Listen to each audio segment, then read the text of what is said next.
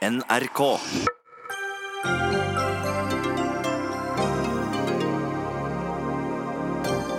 Først stolte Linda Helleland så mye på norske menn at hun mente de ikke trengte pappapermkvote. Som likestillingsminister er hun nå skuffet over mennene. Hvem er den største bremseklossen for et mer likestilt arbeidsliv? Arbeidsgiverne eller Linda Helleland? Folk detter om på fortau og går midt i veibanen for å unngå holka. Sykehusene setter nye hoftebruddsrekorder. Hvorfor skjer det i et land der det er vinter hvert år? Stadig færre kan samisk. Er problemet at de som, ikke, som, er samer, ikke lærer seg samisk? At de som ikke er samiske, ikke lærer seg samisk? Eller rett og slett at det er for få samer? Og Arbeiderpartiet snur og vil hindre private barnehager i å ta ut for stor profitt. Og nøyaktig hva er for stor profitt?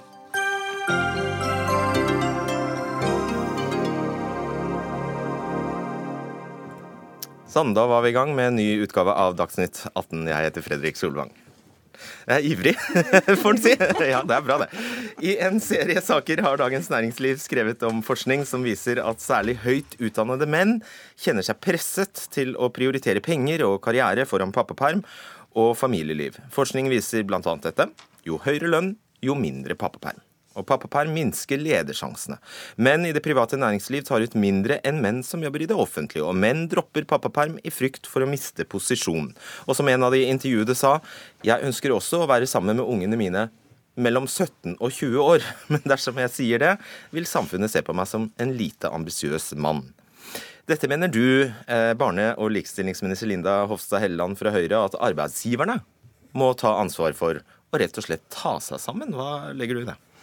Vi politikere skal også ta ansvar for det. og Derfor så har regjeringa i dag eh, varsla at eh, barn etter 1.7, eh, der kommer vi til å gi de foreldrene en mulighet til å tredele permisjonen. Altså at det er én til far, én til mor, og så en valgfri del. Men jeg jeg har lyst til å anerkjenne Kristin Skogen Lund og NHO og de andre arbeidsgiverorganisasjonene, fordi de har gjort en veldig viktig jobb i å legge til rette for et mer likestilt arbeidsliv. Men jeg tror nå fremover så er det mer ensidig politiske løsninger som skal til. Vi er nødt til å endre en del av holdningene hos enkelte arbeidsgivere. Mange, og de aller fleste, eh, legger til rette for det. Og det har bl.a. NHO gått i brøsjen for å få til. Men det er fortsatt eh, mange arbeidsplasser hvor det ikke er en kultur for at eh, far kan gå og hente i barnehagen, eller at far kan være hjemme på ettermiddagen og gjøre lekser og, og følge ungene på trening. Og det kan ikke vi ha noe av lenger. For skal vi ha mer likestilling i arbeidslivet og i hjemmene, så må arbeidslivet legge til rette for det. Vi har noen modige, moderne menn som går foran, men flere eh, må eh, følge med. Det kan ikke være karrierehemmende for far å ha balanse i livet sitt og være sammen med barna, selv om man satser eh, mye på jobben. Bare gjenta kjapt det eksempelet du har fra en, jeg vet ikke om det er et, i hvert fall et møte på, eh, hos statsminister Erna Solberg som du mener er til etterfølgelse. Ja, det var en kveld jeg vi satt eh, hjemme hos eh, statsministeren, og så så jeg på klokka og måtte hjem og legge barn. Og selv om vi satt i veldig da, viktige debatter, så forlot jeg møtet. Og det var greit for statsministeren, men jeg er sikker på at hadde Torbjørn Røe Isaksen, som er småbarnsfar, reist seg og gått akkurat på samme måte, så, så jeg er helt sikker på at statsministeren hadde reagert på akkurat samme måte. Og da må vi, for vi må ha sjefer som behandler eh, også pappa eh, som om at han har eh, viktig ansvar hjemme, og at det ikke er antall timer du legger ned på arbeidsplassen som gjør eh, at du skal få fremmet til drikke. Ok. Hun ordlegger seg litt annerledes nå, Kristin Skogen Lund, administrerende direktør i NHO, men eh, sitatene sto der. Det er arbeidsgiverne som er bremseklosser for et likestilt arbeidsliv, sa Helleland. Ja, jeg tror du til og med sa at nå må vi ta arbeidsgiverne eller noe sånt nå. Så jeg reagerte jo på det. Jeg syns jo det er, eh, det er veldig feil å male, eller skjære alle over én kam og male med bred pensel og si det om norske arbeidsgivere. Fordi Eh, vi har vært eh, egentlig Vi har gått i bresjen for dette. Altså NHO gjør jo bare det medlemmene våre vil at vi skal gjøre. Og NHO tok faktisk til orde for tredeling av pappaperm i 2008, anført av Finn Bergesen. Og jeg har vært på et Jeg kan ikke telle hvor mange bedriftsbesøk og mange bedriftsledere har møtt siden den gang. Og jeg har aldri til dags dato fått kjeft for det standpunktet, enda så hardt vi har forfektet det. Og Vi gjør jo hele tiden undersøkelser på dette, og de undersøkelsene viser at det er stor positivitet til pappaperm og likestilling i arbeidslivet blant arbeidsgiverne, og at de strekker seg langt for å få det til og få det til å passe. Ja, Hva er det da som skjer? Hvis alle er enige om at det er en god idé med pappaperm? Jo, men, jo, men altså, poenget er at du kan ikke skyte på arbeidsgivere generelt. Så kan du helt sikkert finne enkelteksempler på enkelte miljøer eller bedrifter eller hva det måtte være, hvor du kan finne utslag av dette. Det, man finner jo utslag av alt alle steder, men altså, det er i så fall et voldsomt mindretall. Og det å da si at norske arbeidsgivere er den største bremseklossen for likestilling, det er rett og slett helt feil. Og jeg mener at i den grad menn ikke tar ut den andelen perm som man ønsker at de skal gjøre, så tror jeg faktisk at det primært er andre årsaker til det. Det er ikke fordi arbeidsgiverne hindrer det. Ok, Feil diagnose. Ja, vi har en rapport fra i fjor som, som slår helt eh, klart fast at uh, fedre mener at det er en stor risiko å ta ut hele pappapermen, og gjør det ikke. fordi at da er det risiko knytta til karriere til, og til inntekt og til videre jobb. Og eh, DN sine artikler de siste ukene har jo egentlig vist et veldig sånn virkelighetsfjernt egentlig bilde av hvordan mange menn tror jeg, og familier opplever det. Men når menn sier at det er hvis arbeidsgiveren opplever at jeg går hjem for å hente i barnehagen, eller er hjemme på ettermiddagen sammen med barna for å følge dem på trening, eller tar ut pappaperm, så er det et signal om at jeg ikke satser videre. Og sånn kan vi ikke ha det. Og jeg tenker Innenfor finansnæringa, innenfor advokatbransjen, eh, der altså er det viktig at vi har rollemodeller som Rune Bjerke DNB, som Ida Kreutzer i Finans Norge, ikke sant, som går foran som å vise det sjøl med handling, men som sier at gode arbeidstakere er dem som klarer å ha en god balanse eh, mellom familieliv, ta vare på barna, men også satse på karriere. Og Da må vi legge til rette for det. Jeg ser jo at uh, også uh, Kristin svarer i, i DN ikke sant, at ja, man sier ikke nei til å ta ut pappaperm. Altså, det syns ikke jeg holder. Arbeidsgiverne må gå foran og si at vi ønsker vi at menn skal ta ut okay. mer av det, ja. pappapermen sin uh, og ha et balansert uh, liv. Men det er det veldig, veldig veldig mange arbeidsgivere som gjør. Og det at enkelte kan stå frem i DN og si at de føler et slikt press Jeg skal være ærlig og si at jeg følte faktisk det selv. Jeg ble gravid med tvillinger for 19 år siden eller hva det er, og hadde akkurat blitt administrerende direktør. og Det første jeg tenkte, var at ja, der gikk den karrieren, tenkte jeg. Men så gjorde den jo ikke det. Men det satt jo i mitt eget hode. Det er jo ikke det samme som at det satt i hodet på min arbeidsgiver. Og eh, fornuftige arbeidsgivere de vil jo ikke gi slipp på gode arbeidstakere eller talenter fordi de er borte fra jobben noen måneder.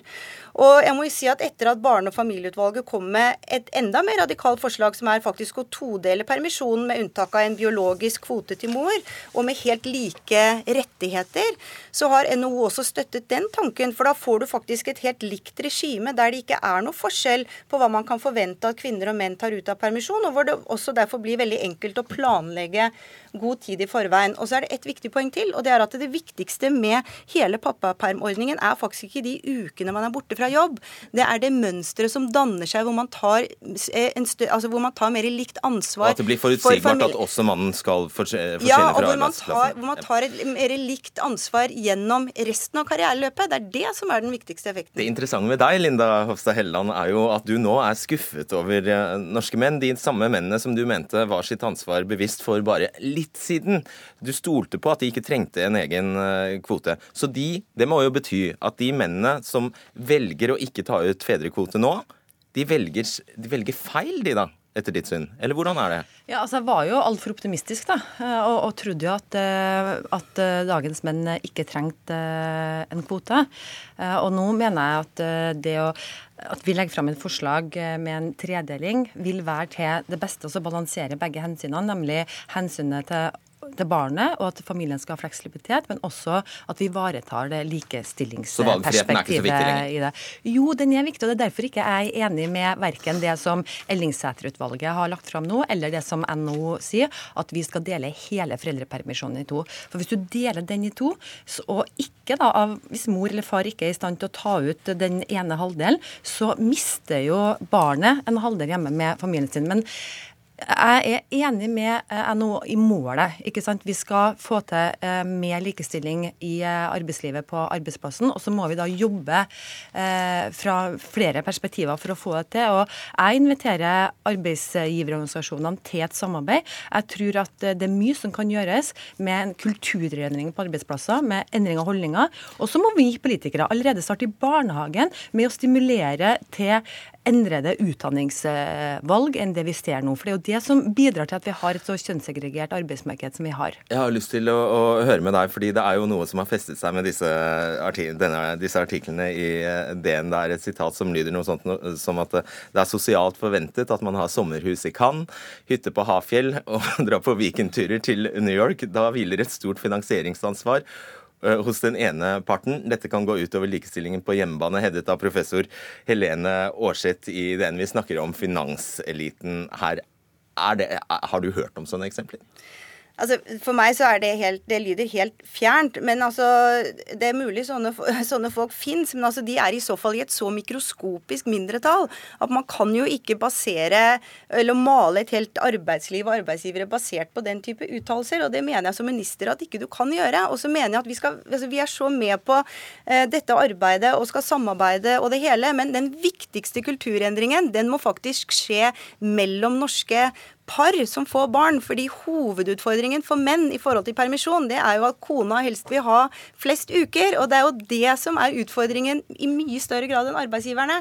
Og da må man faktisk rette skytset der det hører hjemme. Og, da kan du kanskje begynne med å fjerne kontantstøtten. Ja, men ja, det har Kristin Skogen helt, helt, rett i.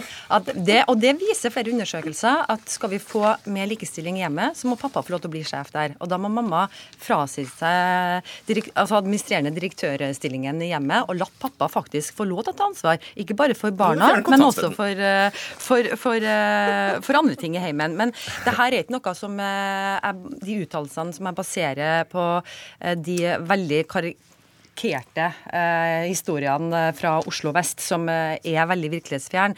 En undersøkelse fra Oslo Met, blant annet, som er gjort eh, helt nylig, med 4000 kvinner og menn, viser faktisk at de, de, sier at en kort pappaperm det vil faktisk eh, bidra til å redusere muligheten for topplederjobb. Så det er noen holdninger ute av Kristin som vi er nødt til å jobbe med. Og der er vi nødt til å jobbe på bred front. Og jeg gleder meg faktisk til å sette meg ned sammen med dere og snakke om hvordan vi kan Men det kan være antakelser. Du kan jo ikke påstå at det derfor er arbeidsgiverne som har de holdningene, fordi noen uttaler det. Og der det er problemet. setter vi strekk. Takk, okay. Kristin Skogen Lund, Linda Hofstad Helleland. Dagsnytt 18 alle hverdager klokka 18.00 på NRK P2 og NRK2. For det er faktisk spesielt glatt, i hvert fall på Østlandet, men også i store deler av landet.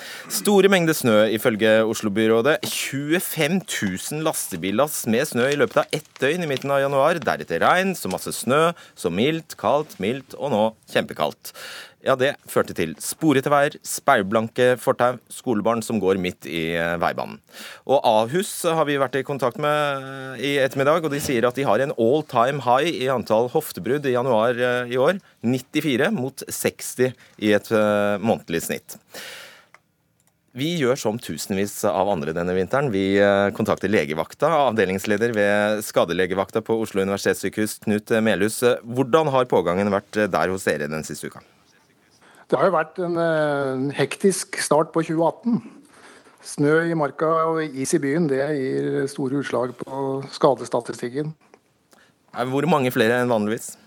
Hvis vi skal være helt ærlige, hvis vi ser på forgjengere Jeg dro fra legevakten nå en tid siden, så nådde vi 1800 registrerte mange, ja, Det er jo helt utrolig at vi midt i Oslo har så dårlig kontakt, men eh, sånn er det altså. Eh, hva sa du? Sa du 1800? Jeg sa at vi hadde rundet 1800 ja, 1800 fotgjengere som har falt ute på vei gate fortau hittil i år. Og vi er jo bare så vidt kommet inn i februar, så dette er et, et høyt antall. Ja. Hva slags type skader er det de har? Altså Når man faller ute på isen, så er det jo det som treffer bakken. Det er jo det som blir skadet. Så det er jo eh, hode, skulder, kne og tå eh, som her blir skadet. Men eh, den vanligste bruddskaden i hvert fall er brudd i håndledd. Det er gjerne sånn når man faller, så tar man seg for med hånden, og så brekker gjerne håndleddet. Mm. Men det vi ser når det er ekstremt glatt, sånn som nå, er at det er veldig mange som faller Ja. Det er sånn at ja, det, det, er så vanskelig når det er så lang forsinkelse. Jeg tror bare vi sier tusen takk for at du kunne være med oss, Knut Melhus, og konstaterer at det ikke alltid er like lett, eh, dette med teknikken. Det jeg skulle si, var at um, tall fra Helsedirektoratet viste i 2014, det er fire år siden, da, uh, så var det rundt 9000 hoftebrudd i Norge hvert eneste år. 6000 av disse betegnes som enkle, 3000 som kompliserte. Et enkelt hoftebrudd koster samfunnet i snitt 235 000 kroner, mens de kompliserte har en prislapp på 675 000 kroner per brudd. Så hvis vi legger sammen disse, så gir det oss en prislapp på 3 milliarder kroner, inkludert behandling, rehabilitering og sykehjemsopphold. Så det er store kostnader faktisk forbundet med denne, denne holka. Eh, da eh, er det sånn at det jo ikke bare er i Oslo kommune man har problemer med store snømengder, slaps og glatte forhold. I en undersøkelse fra forrige vinter fra Statens vegvesen var det til dels ganske stor misnøye med brøytingen. Både når det gjaldt brøyting og strøing av gang- og sykkelveier, var det folk i Hordaland som var mest misfornøyde. Her ga de om lag tre i karakter på en skala fra én til seks. Nå skal vi til Trondheim. Harry Tiller, kommentator i Adresseavisen. Du mener eh, Trondheim kommune ikke gjør en god nok jobb. Hvilke utfordringer har man der i byen? Nei, eh, sånn som vinteren har vært eh, så langt, så har det vært mye mer utfordringer med, med glatte forhold enn en, en masse snø i, i Trondheim. Og eh, jeg tror vi, vi, opplever stadig vekk at eh, problemene Jeg vet ikke om skadetallene er så store, men at, at folk heller velger å gå midt i gata der det er brøyter, eller heller ta bilen enn å stavre seg frem på isfolket til, til bussholdeplassen. Klager de da, trønderne, eller er det bare deg? Nei, altså vi skrev jo om dette i Adresseavisa for, i forrige uke, og, og, dette er noe som irriterer ganske mange. Særlig i en by som har ambisjoner om å legge forholdene godt til rette for, for gående og syklende gjennom, gjennom hele året. Så, så, så, dette er også trondheimerne opptatt av. Hva mener dere burde blitt gjort? Nei, altså, jeg, jeg, tror Problemet er ikke ved de, enorme snøfallene eh, der, der, byen mobiliserer og, og, og, rydder. Alle forventer at det tar litt tid hvis det snør 30-40 cm i, i, løpet av et døgn. Men det er liksom denne, denne hverdagsgreia når været skifter, når det snør en dag, regner en dag, den, den grusen som er strødd eh, at det legger seg snø eller is oppå den, så, så, så, skaper det store problemer. Og jeg tror at kanskje beredskapen for å rykke ut er litt for høy, fordi at det er, det er hverdagsproblemer, ikke ved de ekstreme snømengdene at, at problemene oppstår. Mm. Og For ordens skyld, i Trondheim er det altså kommunen selv som står for uh, brøyting og, og, strøing. Tror du, tror du at eh, dere hadde hatt like store problemer som Oslo hvis dere hadde hatt nøyaktig samme forhold? Ja, det er vanskelig å si. Vi liker jo å si at vi er bedre rusta for gode vintre her oppe i Trøndelag enn i, i, hovedstaden, men, men jeg, jeg, tror nok at uh, vanskelighetene ville ha tårna seg opp også i Trondheim hvis det har vært eh, sånne skiftende tilstander som på Østlandet nå. Nettopp. Takk skal du ha, Harry Tiller. Joakim Gjertum, du er seksjonssjef for eh, veiforvaltning i Bymiljøetaten i Oslo kommune. Hvordan ble det sånn? Det var egentlig en kombinasjon av vær og føreforhold og litt uheldige omstendigheter i forbindelse med snøfallet som kom i januar.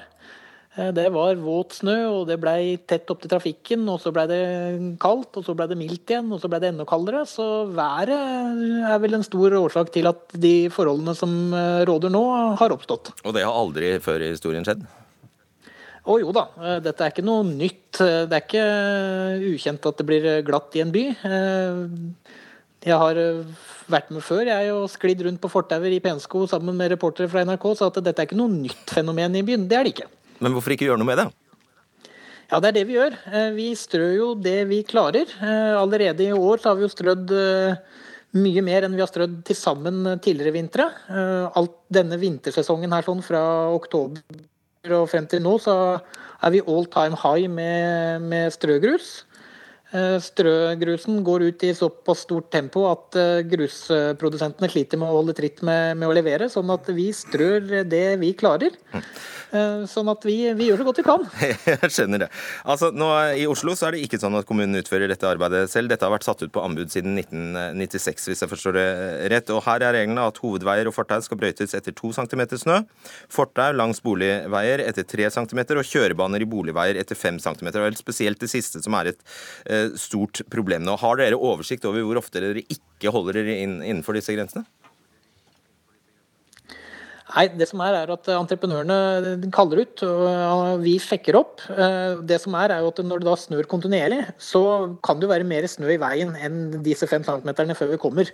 Mm. Vi har jo eh, opptil åtte timer på å brøyte boligveiene, og det kan komme mye snø på de timene. og Når det da kommer mye våtsnø på de timene og det blir mye trafikk, så blir det fort eh, spor og isete, og da klarer ikke en vanlig brøytemaskin å komme seg gjennom den harde isen. Da må vi gå inn med tyngre maskiner for å, å nullstille. Hva er det du nå ser at du burde ha gjort annerledes? Vi ser vel at eh, vi kanskje kunne hatt et mer fokus på å få brøytet gjennom fortere. Eh, det vil bli en, en, en, en gjennomgang vi kommer til å ta nå på slutten av, av vinteren for å se hva vi, vi, kan gjøre. Eh, vi har kontrakter som er dimensjonert mer etter en normalvinter, ikke disse store tunge snøfallene som, kommer, som, kanskje kan komme nå mer og mer. Så vi får se hva vi skal gjøre fremover, om vi skal gjøre noe med de tidsfristene vi har på, på brøyting og strøing. Det er veldig interessant det siste du sier der. Dere har altså en standard som er tilpasset normalvinter. Hvilket altså vil si at hvis det kommer litt mer snø enn en normalvinter, da får man tilstander som, som dette her. Altså, la meg spørre deg, Joakim Gjertum.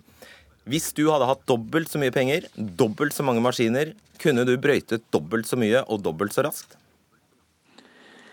Det spørs helt hvordan maskinene vi har, eh, og når snøen kommer. Eh, vi blir sittende i den samme køen som alle andre, sånn at eh, vi kommer ikke noe fram i køen selv om vi har en gul blunklampe og et brøyteskjær foran. Hadde vi hatt flere maskiner, så kunne vi nok ha klart å brøyte noe fortere. Men det er noe tross alt et ganske stort veinett vi skal igjennom, og maskinene går med en viss hastighet. Og vi må forholde oss til annen trafikk, så noe fortere kunne sikkert gått hvis vi hadde hatt dobbelt så mye maskiner. Men da ville nok kostnadene blitt deretter også. Det er nettopp det. Takk skal du ha, Joakim eh, Gjertum. Oslo kommune bruker allerede nå årlig mellom 80 og 90 millioner kroner på veivedlikehold om eh, vinteren. Det har aldri vært strødd så mye som eh, i år, som vi hører Gjertum si. 1400 lastebillast med grus så langt. Harald Nissen, gruppeleder for Miljøpartiet De Grønne i Oslo bystyre. Dere skryter i tillegg av at budsjettene under dere har økt ganske formidabelt til Bymiljøetaten. Hvor mye da? Vi har eh, økt eh, bevilgninga med 40 millioner de to siste årene. Men, men jeg vil jo være den første til å vise forståelse for liksom, de forholdene som er i Oslo nå. Men jeg syns det var veldig interessant det Tiller sa fra Trondheim, som har vært politiker der i sin tid, at det er spesielle forhold i år. Eh, og det bystyret her har vært såpass forutseende at vi har bevilga mer penger de siste årene. Så jeg kan si at vi har vært bedre rusta men når det kommer en sånn vilter, så blir det vanskelig. Og det er den eh, første til å innrømme. Eh, men i motsetning til Høyre så har vi faktisk lagt inn mer penger, betydelig mer penger de siste årene. Jaså. Eirik La Solberg, gruppeleder for eh, nettopp Høyre i Oslo bystyre. Det er vel ganske sant, dette her, som Harald Nissen sier. Hadde det vært, hadde det vært du som styrte denne byen, hadde, så hadde Bymiljøetaten hatt 42 millioner mindre det tallet stemmer ikke, men, men, når byrådet skryter av at de bruker mer penger enn noen gang, og situasjonen er blitt verre enn noen gang, eh, så kan det jo tenkes at det ikke bare er pengene som er utfordringen. Og så er det jo sånn i Oslo at vi har bygd opp et eget vintervedlikeholdsfond som vi trekker av de årene det er mye snøfall. Og det har jo ikke vi kuttet i. Så, så her er det hovedproblemet her tror jeg rett og slett at Oslo ikke, er ikke godt nok forberedt på store snøfall. Og hvordan kan det ha seg? Ja, Det er et mysterium. Eh, og nå er vi i en situasjon hvor det er eh, altså Vi vet jo, og det er Harald Nissen og jeg er helt enige om, at det er en situasjon hvor det er store klimaendringer, og vi får kanskje større variasjoner i været enn vi har hatt tidligere. Og da er det jo viktig at vi er bedre forberedt på store snøfall enn det vi har vært. For situasjonen er helt håpløs for mange innbyggere i byen. Bare korriger dette tallet, da, hvis du mener 42 millioner ikke er riktig. Hva er det riktige tallet? Altså, Vi har foreslått å uh, kutte noe i Bymiljøetatens budsjett. Ja, det var det jeg sa. Men, men, nei, men poenget er at Bymiljøetaten består av Du korrigerte meg, så vær så snill, kom med det korrekte tallet. Hvor mye? 35 millioner var det 35 vi foreslo. Og ikke 42. Men poenget er at vinterdriften, brøyting og måking, det finansieres når det er ekstra mye snøfall, av vintervedlikeholdsfondet. Og det har vi ikke kuttet i. Så det er ikke riktig, en riktig fremstilling at vi har redusert det. Utfordringen nå er å gjøre noe med den situasjonen vi er inne i. Og der mener jeg at byrådet rett og slett ikke har handlet godt nok. Jeg har noen konkrete forslag som jeg håper Harald Nissen har lyst til å ta med seg. Og Nissen, eh, som du hørte Gjertum si, Får han mer penger, får han flere maskiner, så gjør han en bedre. Da klarer han å måke unna mer. Og det har vi gjort de to siste årene. Det Da gir du ikke nok penger, da. Jo, vi har økt betraktelig. Eh, og, Ikke nok. Nei, no, nok og nok. Eh, han kom med et ganske godt resonnement på hvorfor på en måte nok er nok, om det er bare penger å snakke om. Poenget er at det er ikke gjort Nå ja, noe det var ikke helt Nei, men det er ikke gjort noe vesentlig forandring i Bymiljøetatens strategi, på en måte fagetaten, for dette her. Det, det vi har gjort, vi har gitt mer penger, som de har blitt om. Det men det er er den store feil? forskjellen. Nei, det er det ikke. Han har jo sagt at han har fått økt kapasiteten.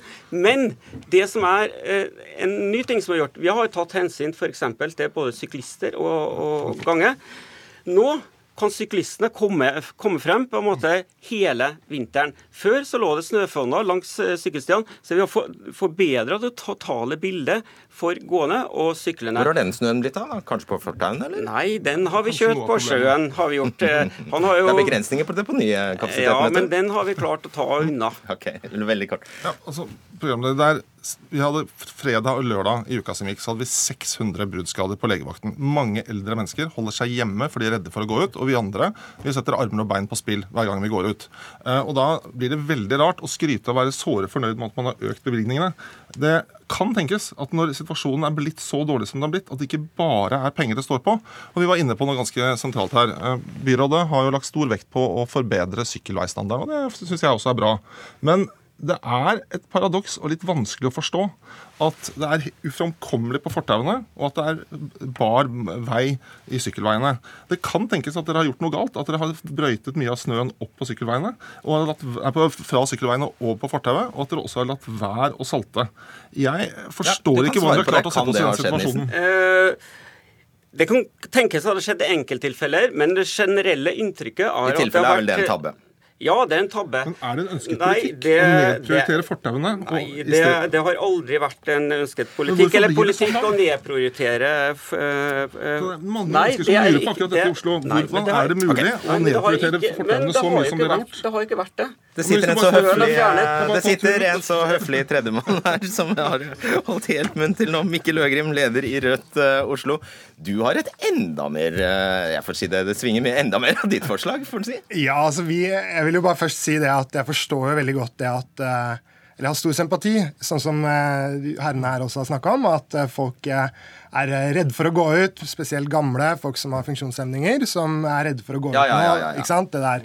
Eh, men, eh, men samtidig så, så er jeg stolt over at Rødt også har vært med på budsjettet, som har økt budsjettene. fordi det handler om penger. Det handler om man vil kutte i pengene. Kom til forslaget ditt. Kom til forslaget. Men så mener vi jo selvfølgelig også at uh, dette er en del av offentlige oppgavene, på samme måte som at henting av søppel, som vi så med Vereno, burde være i det offentlige. Så mener vi også at brøyting, fjerning av snø, burde være en offentlig oppgave, sånn at man ikke får det lappeteppet av ulike entreprenører som går inn eh, og skal måke en del av veien og en annen del av veien, men at man får en, en, eh, en helhetlig tanke, tanke bak og, og brøyting av snø. Og du vet at det er det som fører til den situasjonen vi er i nå. Ja, Det kan jeg ikke si 100% men jeg, mener, jeg tror at det er en god idé at man har en helhetlig plan bak eh, frakting og, og fjerning av snø. Eh, og da mener jeg at det er kommunen som er best rusta til å ta den oppgaven, istedenfor at det er enkelte private eh, entreprenører, eh, oppdragsgivere, som vinner anbud. Og, som, og det har man jo sett hvert fall tendenser til nå under vinteren. Hvor det er noen selskaper som, som ikke har gjort en god nok jobb. Hvor det er vanskelig å på en måte peke fingeren på den og den, den, og den har, ansvaret for den og den veien. Da. Svar kjempekort. Blir det dyrere eller billigere, tror du, med din løsning? Det kan, eh, det kan nok hende at det, det blir eh, at det er dyrere å ha en offentlig, ha offentlig eh, brøyting av snø. Men bedre tjenester? Men bedre tjenester. Ja, antar jeg du mener. Ok, svar på det, da. Ja, for- altså, jeg mener at Det gir ikke noe mening at Oslo kommune skal bygge opp en stor brøytebilpark som vi bare bruker en liten del av året. Vi har jo ikke bruk for disse fartøyene eller kjøretøyene Det er ikke det han mener, ellers i året. Nei, men altså, noe, noe, noe må det jo brukes til resten av året, og det er ikke noen grunn til at Oslo kommune skal, skal sitte på det selv. Men, men det som jo er, spesielt, og som jeg syns er et godt poeng, er at det virker som de kontraktene Oslo kommune har, ikke er fulgt opp godt nok i løpet av vinteren. Eksempel så har fortauene blitt brøytet elendig i år, og det må være en grunn til at det nå er verre enn noen gang. Selvfølgelig selvfølgelig har vært problemer før, men alle jeg snakker med, eh, så, enten det er frivillige organisasjoner, funksjonshemmedes organisasjoner eller enkeltpersoner, sier at nå er det verre enn noen gang. Og Da må Bryderbyrådet ta inn over seg kanskje dere har gjort noe galt, kanskje dere nå skal gjøre noe for å løse den situasjonen vi er midt oppi. Nissen, i sånne ideologiske spørsmål som dette her, er jo dere i MDG helt troløse. Så her kunne vel eh, Nei, vi er ikke troløse. like gjerne Vi er- ha gått inn for eh, Øgrims modell. det vi er opptatt av nå, og på en måte gi et best mulig vintervedlikehold. Så får vi ta og konkludere på en måte hva, hva, som er, hva vi skal gjøre fremover. Men det er egentlig en sånn litt uaktuell debatt, vil jeg si. Vi er opptatt av å gi et godt vintervedlikehold. Det er jo ikke det hvis mange nok er enig med Øgrim, så er det noe uaktuelt. Ja, men det er ikke noe aktuell eh, problemstilling her, er det. Men det, det er et poeng som man tok opp til å begynne med, at vi har en ekstremsituasjon. Det gjelder vær. Vi har det, i- vi har det i Trøndelag, vi har det i Trondheim. Og det er jo det som er den utfordringen fremover. Hvis vi får det her nullføret fremover, da må vi øke på beredskapen ytterligere. Og det Ja, nå vil du snakke om klimaendringer. ja, men ja. jeg vil snakke om hvordan vi skal gjøre etaten vår bedre. Ja. Så jeg forventer at de kommer med en, eh, en på en måte konklusjon på hvordan vi kan gjøre det bedre den enn seks debatten her. lover jeg deg at vi skal ta en annen dag. Nå Resten av landet orker ikke å høre mer om Oslo. Jeg lover dere. Takk skal, skal dere ha. Harald Nissen, Eirik La Solberg og Mikkel Øgring.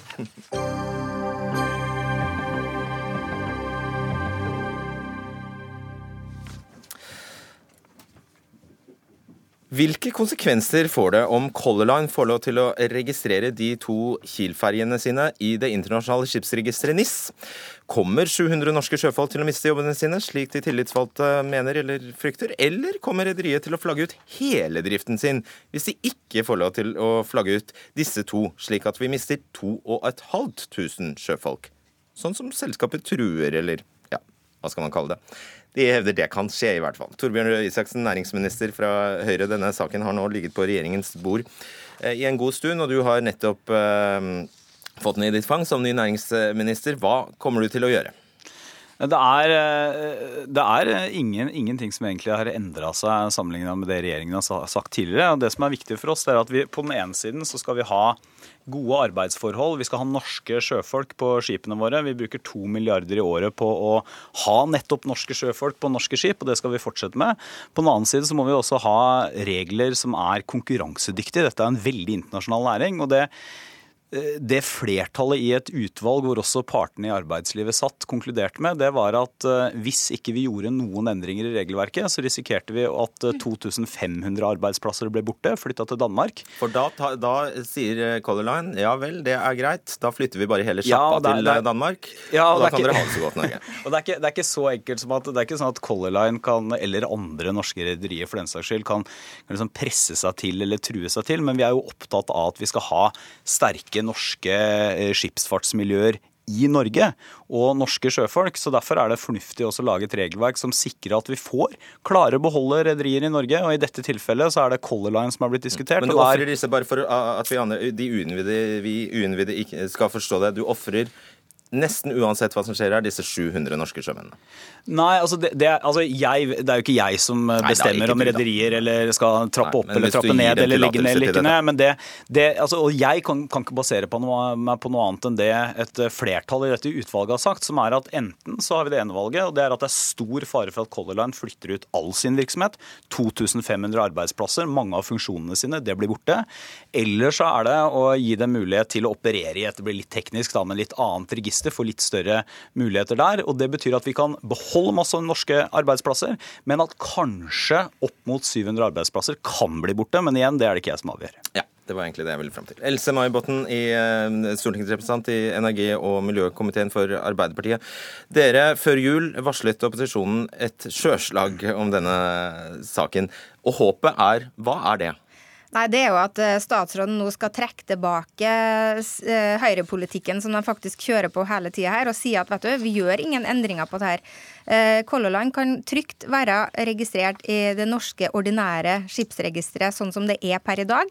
For argumentasjonen i starten var jo at ESA kunne skape eh, tvil i forhold til det systemet som er i dag. Det har man jo nå fått konkludert med at det gjør man ikke. Det er helt greit at vi har det systemet som vi har i dag. Man må ikke eh, flagge ut et inter internasjonalt eh, skipsregister for å kunne opp operere mellom havna fra Oslo til Kiel. Det som er utfordringa som jeg hører nå, eh, og som jeg har lyst til å utfordre statsråden på, for at han argumenterer nå på ting som var sagt i 2013. Da var det helt annet forhold. Da var valutakursene noe helt annet. Color Line sto i en helt annen økonomisk situasjon. Nettolønnsordninga har blitt bedre takket være at vi fikk med regjeringa på lag. Ja, Eh, det, men da det er en at- overdrivelse. Ikke heng dere opp i det. Nettolønnsordninga har blitt bedre. Ikke heng dere ja, opp i det. Dette nettolønnsordninga har blitt bedre, men det bidrar til at det er en god del fakta her som har gjort det bedre, sånn at Color Line eh, hadde en halv milliard i pluss i fjor. Så det, er ikke et sier, selskap som sliter. sliter. det du sier, Else May Botten, det er at regjeringen trenger ikke Det er så Trenger mange forutsetninger her som er endret, sånn at den trusselen fra som det jeg må ærlig talt si at det er, Mm. fra Color Line om å flagge ut alt hvis de ikke får det som de vil her, Ja. det er ikke sikkert den er, at det er er realiteter bak den lenger. Nei. Sånn at regjeringen kan gamble og se hva som skjer. Er det det du sier? Ja. ja. Okay. Men da er gambler du, da. er Da ikke- gambler man, Nei, da. men man gjør ikke det. For at argumentasjonen som Color Line har hatt tidligere, og som statsråden før denne statsråden har sagt tidligere, det, er, det holder ikke mål lenger. Okay. Eh, og det å bidra til å gå i liksom flaggtog og si at nå skal vi ha internasjonale lønns- og arbeidsvilkår om bord på seg båtene her, så vil det jo være en dominoeffekt på det, som gjør at også danskene, svenskene og finnene begynner å gjøre det samme. Jeg syns det er Ja. trist at vi skal Men- ha men- en men- men- statsråd som vil det. Men bare la meg ta det først. Altså, det er helt riktig at uh, i likhet med veldig mange andre norske selskaper, så går det bra i norsk økonomi, og da går det også bra og litt bedre for Color Line. Men så er det også sånn at den virksomheten vil gå opp og ned, og vi kan ikke lage politikk hvis vi skal beholde den norske maritime tradisjonen vi har, hvis vi skal beholde norske sjøfolk, hvis vi skal beholde flest mulig skip registrert i Norge med norsk flagg. Nå har vi ny, ikke rekord akkurat, men det er du vet men hva det er fagforeningene sier til, den, til det du sier nå? jo, men vet du hva? Det er ikke, det er ikke helt, jo, men det er ikke helt jo, men hvis, hvis vi skal gjøre det, så må vi klare å kombinere to ting. På den ene side gjør vi masse på forskning. To milliarder i året til sysse... Ja, ja, men, men- vent da, vent da, vent da la, meg, la meg få snakke ferdig. To milliarder kroner som vi bruker av skattebetalernes penger for å sikre nettopp norske, eh, norske sjøfolk. Og det skal vi fortsette å gjøre, for det er viktig. Det Alt dette gjør vi.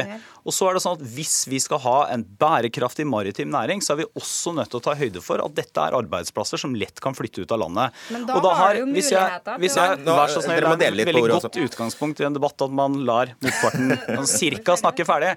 Eh, Så, så, så mener jeg at det er viktigere da å høre på hva virksomhetene har å si. Og det er heller ikke sånn at det utvalget som, hvor flertallet, klart flertall, ga oss råd om dette, var bare arbeidsgiversida. Her var også fagforeningssida inne i flertallsmerknaden. Okay, nå. Ja. Eh, I 2013 så var det Fartsområdeutvalget nedsatt. Og det er helt riktig som eh, statsråden sier, at det var et flertall i det utvalget som uh, ga råd om det her. Men sjøfolka gjorde ikke det. Eh, og de er òg veldig opptatt av at ting har endra seg. Og det håper jeg òg at statsråden kan se. At ESA-argumentet nå egentlig er lagt dødt. Eh, at nettolønnsordninga er med og bidrar til en bedre økonomi. At resultatene til Color Line er mye bedre. Og det er jo kjempebra. Mm. og jeg tenker Tror du ikke eh, at Color Line vil ha enda bedre resultater jo, men om nå men må vi tenke at eh, Color Line har egentlig, er jo en fantastisk arbeidsplass. For at man har jo også, det er jo største lærebedrifter eh, i forhold til offshore, eh, off, eh, altså sjøfarten i tillegg. Og det er jo kjempebra.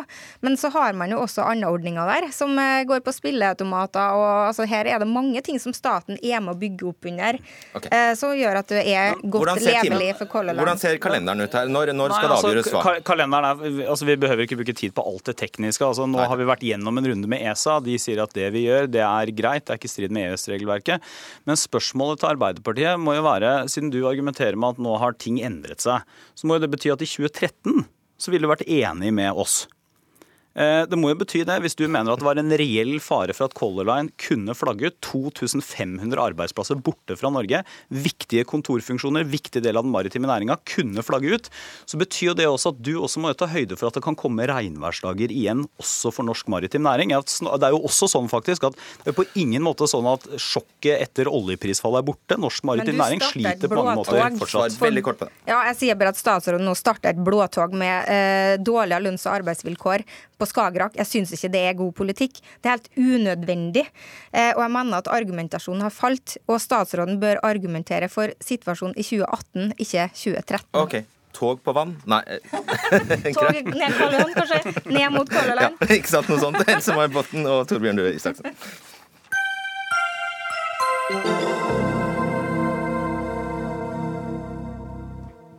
Lihko Beivin, eller gratulerer med dagen. I dag er det samenes nasjonaldag. Og I dag har vi hørt at selv om 17 000 personer står i samemanntallet, er det mange som ikke kan språket. Flere av de samiske språkene som har eh, vært og er i bruk i Norge, står på Unescos liste over truede språk, faktisk. Det vil du gjøre noe med? Dag Herbjørnsrud, idéhistoriker og forfatter. Hva da? Jo, jeg mener at uh, flest mulig må få lært dette. Det er en viktig del av uh, den norske kulturen. Helt tilbake til for 1000 år siden så står det i de norske kongesagaene om uh, samene og den viktige betydningen de hadde som bl.a. stammoren til den norske kongeslekten. Flest mulig? Altså alle? Ja, altså... Alle, alle som ikke er samer? Nettopp. Fordi eh, Se bare til New Zealand som et eksempel. Maoriene eh, der har en langt mer viktig betydning i det newzealandske samfunnet. Slik at eh, enhver eh, newzealender med respekt for seg selv kan altså maori. Kan synge nasjonalsangen eller maorienes sang. Så mitt hovedpoeng er jo kanskje det at man skal se på dette ikke som noe farlig eller skummelt, eller noe sånt, men noe man burde være eh, stolt over. Kan du man kunne. Ikke godt nok, selvfølgelig, men eh, altså ta ord som eh, pulk, f.eks. Det er jo eh, samisk, ikke sant, og lavvo. Så vi bruker dette, og da, så det er jo ikke så vanskelig. Mm, og du vil ha det inn i skolen, formoder jeg, men det skal ikke være obligatorisk, vel?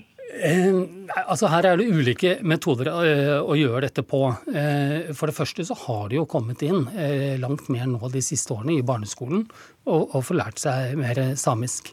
Jeg tenker også Hovedproblemet er jo kanskje også voksne. At man ikke har en ja, god nok holdning til dette. Mm. Kent Gudmundsen, utdanningspolitisk statsperson for Høyre. Det er sant, samisk er en del av norsk historie. Hvorfor ikke da lære språket?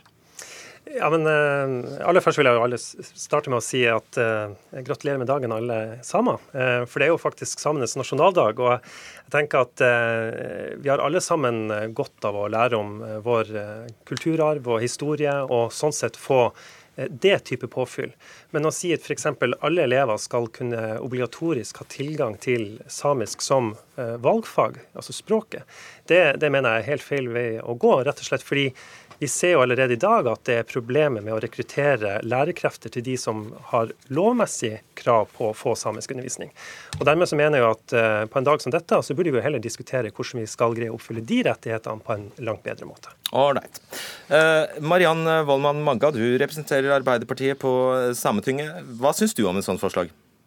Ja, like samme, i måtte jeg Uh, jeg er ikke på Sametinget nå, men jeg har eh, vært på Sametinget og er da oh, ja. representant for Arbeiderpartiet, men eh, i formannskapet i Støvran kommune.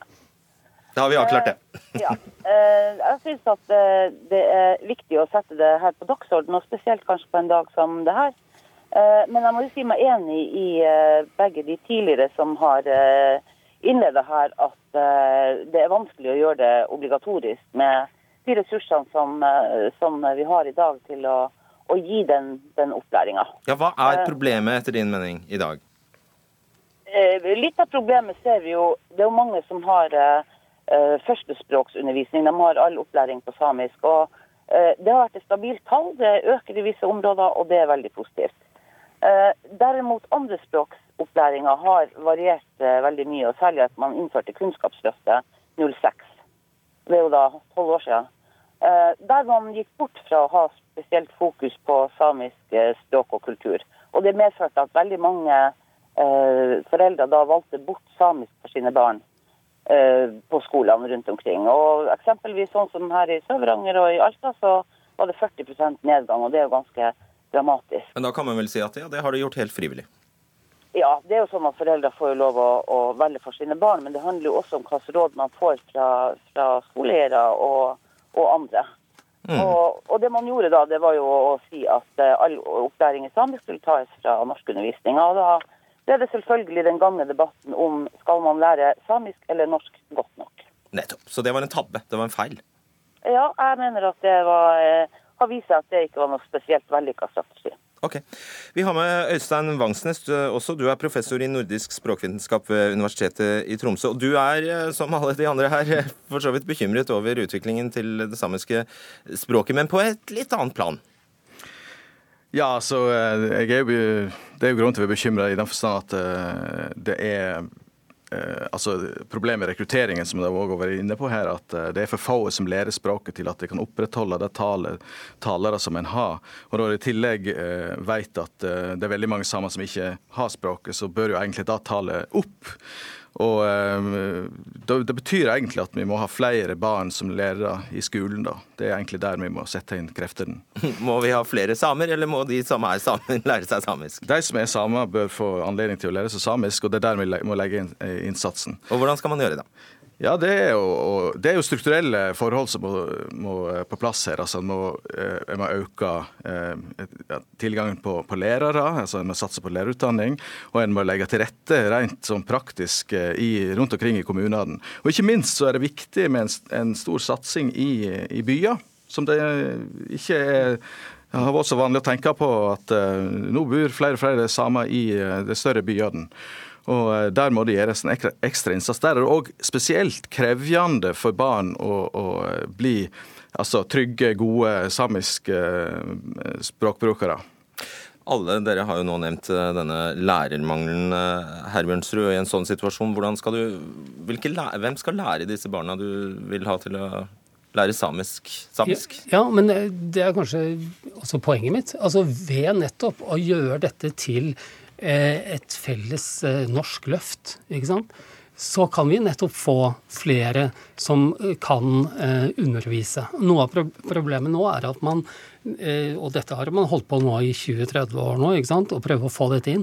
Men når det blir så få, altså, altså når det blir bare noen få samiske barn som skal lære seg samisk, Eh, og det er den eneste metoden, så blir det for lite, eh, er min hypotese, til at det blir nok satsing på det.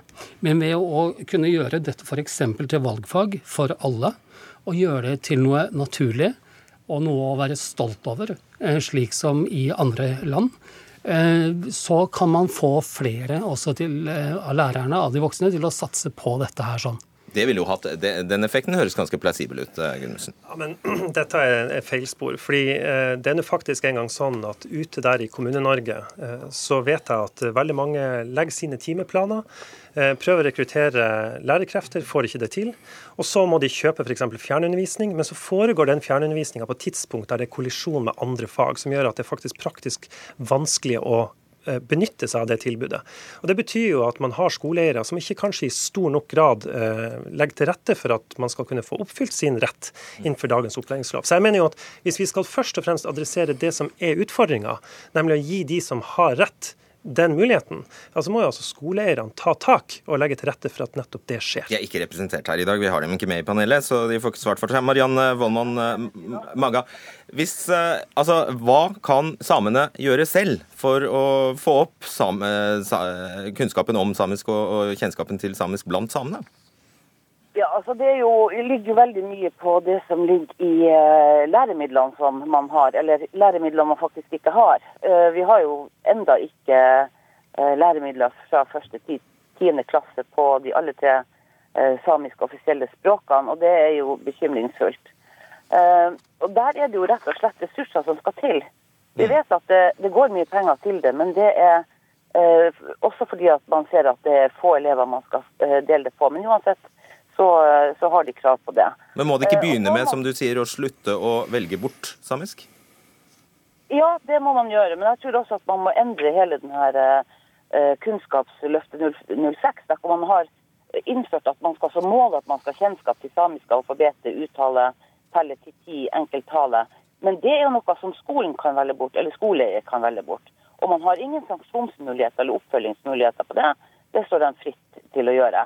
Og i de fornorska områdene som jeg sjøl også kommer fra, så er det klart at det er veldig enkelt og bekvemmelig å, å velge det bort. Mm. Og så har vi for få lærere til at vi kan fordele det på de som ikke kan noen ting, som ikke har eh, støtte hjemmefra til å, å, eh, ta i bruk samisk osv. Så, videre. så det, det, er jo ikke før man kommer på videregående at man burde kunne fått det som et eh, reelt eh, tilbud. Og så må man gjøre det mye enklere i praksis. Man må eh, penger til opplæring, man har eh, øvrige rammebetingelser. Eh, man kan gjøre sånn at eh, skoleeier legger eh, og sier at her, nå har vi samisk undervisning, fjernundervisning, de og de timene, så får de øvrige skolene forholde seg til det. Øystein- planlegging. Ja. Øystein Vangsnes, 17 000 i mann- samemanntallet. Hva, eh, hva er kritisk masse for et språk som samisk? Nei, altså, det er jo, Jeg regner med at det er ca. Ja, en plass mellom 20 000 og 30 000 som snakker et eller annet samisk språk, og kanskje 15 000 som snakker nordsamisk i Norge. Eh, hvis du tar utgangspunkt i de, de elevtallet som er i dag, så er det sånn at hvis alle de som får en eller annen form for samisk samiskopplæring i eh, skolen, så vil du klare kanskje å opprettholde den eh, tallet. Men hvis det bare er de som får førstespråksopplæring, og de er under halvparten, så vil du altså få en halvering. Så det er jo Og da blir det kritisk, eller? Ja, selvsagt blir det kritisk. Vi eh, har dessverre ikke mer tid igjen, men eh, nok en gang gratulerer, gratulerer med dagen. Og takk til Dag Herbjørnsrud, Kent eh, Gudmundsen, Mariann Vollmann Magga og Øystein Bangsnes. Hør Dagsnytt 18 når du vil. Radio NRK NO.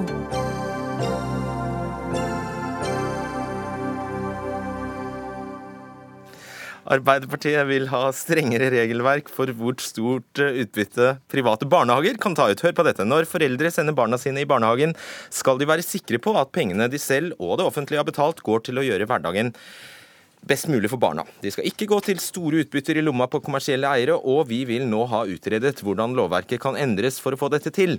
Sitat i Dagbladet fra Martin Henriksen, herværende stortingsrepresentant, andre nestleder i utdannings- og forskningskomiteen for Arbeiderpartiet. Hvor stort er passe stort utbytte? Vel, Det vi ser er jo en utvikling som vi har lyst til å hindre, nemlig at uh, det er store kommersielle barnehagekjeder som tar stadig større del av barnehagesektoren. Små og ideelle blir eh, kjøpt opp eller pressa ut. Eh, og vi ser eksempler på eh, si, uakseptabelt store eh, utbytter. og Det er noe vi har lyst til å komme til livs. Vi mener at de pengene som brukes, både fra det offentlige, men også som foreldrene betaler, skal komme barna i barnehagen til gode, ikke store profitter. Eh, og jeg mener at det er helt rimelig hvis du driver en barnehage, enten en ideell eller en, en liten barnehage eller andre barnehager, at du skal kunne sette av eh, si, penger hvert år på egenkapital til å ha til investeringer, til eh, renoveringer, til rett og slett eh, uforutsette utgifter. Men det å ta profitt og ha gevinst ut fra barnehagedrift, et offentlig velferdsgode, det er vi eh, veldig kritiske til, og det ønsker vi å få satt ned eh, foten Når har du tenkt å svare på spørsmålet ditt?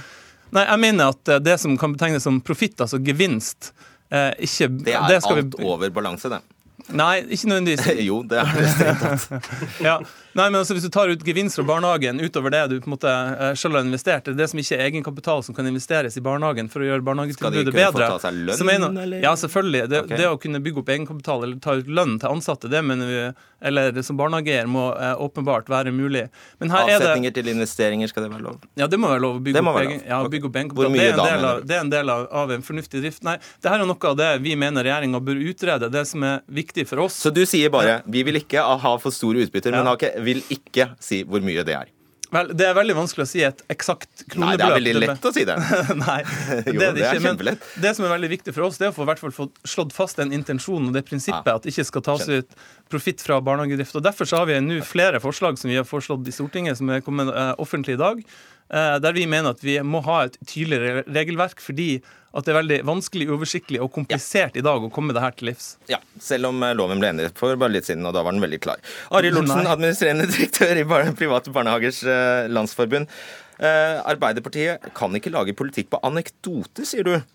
Hva mener du med det? Ja, utgangspunktet er det sånn at eh, De snakker om det nå om eh, den sektoren, den delen av sektoren som har de laveste kostnadene, de mest fornøyde brukerne, de mest fornøyde ansatte, som har ordna lønns- og arbeidsvilkår, og som eh, driver med de mest uforutsigbare rammene. Så de leverer det beste tilbudet. Så utgangspunktet når man sier at pengene skal komme ungene til gode, så var det jo de kommunale barnehagene man burde gå etter. Og hvilke anekdoter har Arbeiderpartiet kommet med? Og det, det de sier, det er at det er store utbytter.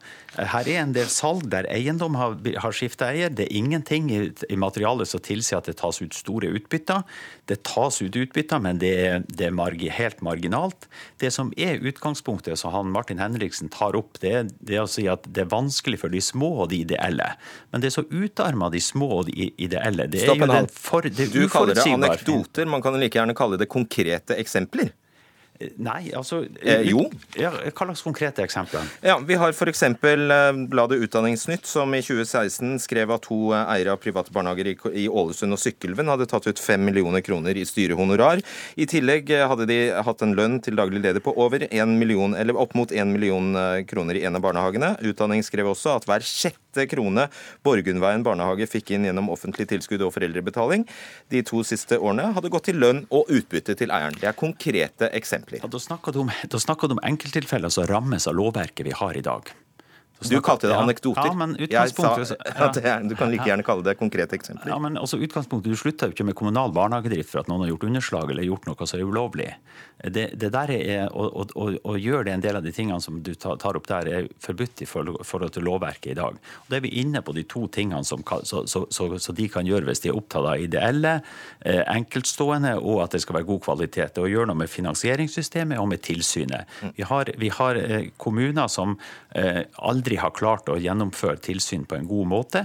Og, og Derfor så kan det godt hende at det er enkelttilfeller, men i det store så er, så er det sånn at privat, penger i private barnehager, de laveste kostnadene, at de der er oppblåst, det finner jeg helt urimelig. Og det er de som leverer et godt tilbud. Så, så enkelttilfeller, ja det er jo underslag, og det er gjort andre ting i kommunene, men vi sier ikke at vi skal slutte med det.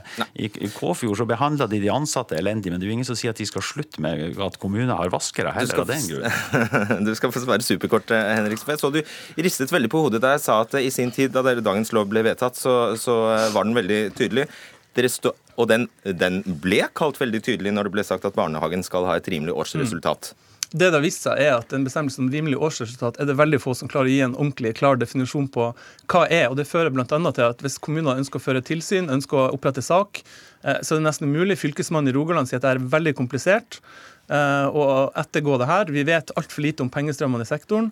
Og det som er viktig, er at det her handler ikke bare om utbytte, det kan handle om kjøp og salg av barnehager. De har bygd seg opp store verdier. Får ta ut enorm gevinst når det er salg. I høst så hadde Dagens Næringsliv en sak om at det var fem eh, barnehageeiere som da tok en halv milliard da i utbytte etter å ha solgt barnehager. Sånne ting mener vi eh, ikke lenger skal være akseptabelt, fordi de pengene der skal være igjen i sektoren til barna. Kent Gudmundsen, fremdeles eh, stortingsrepresentant for eh, Høyre. Hva er forskjellen på dere og Arbeiderpartiet her?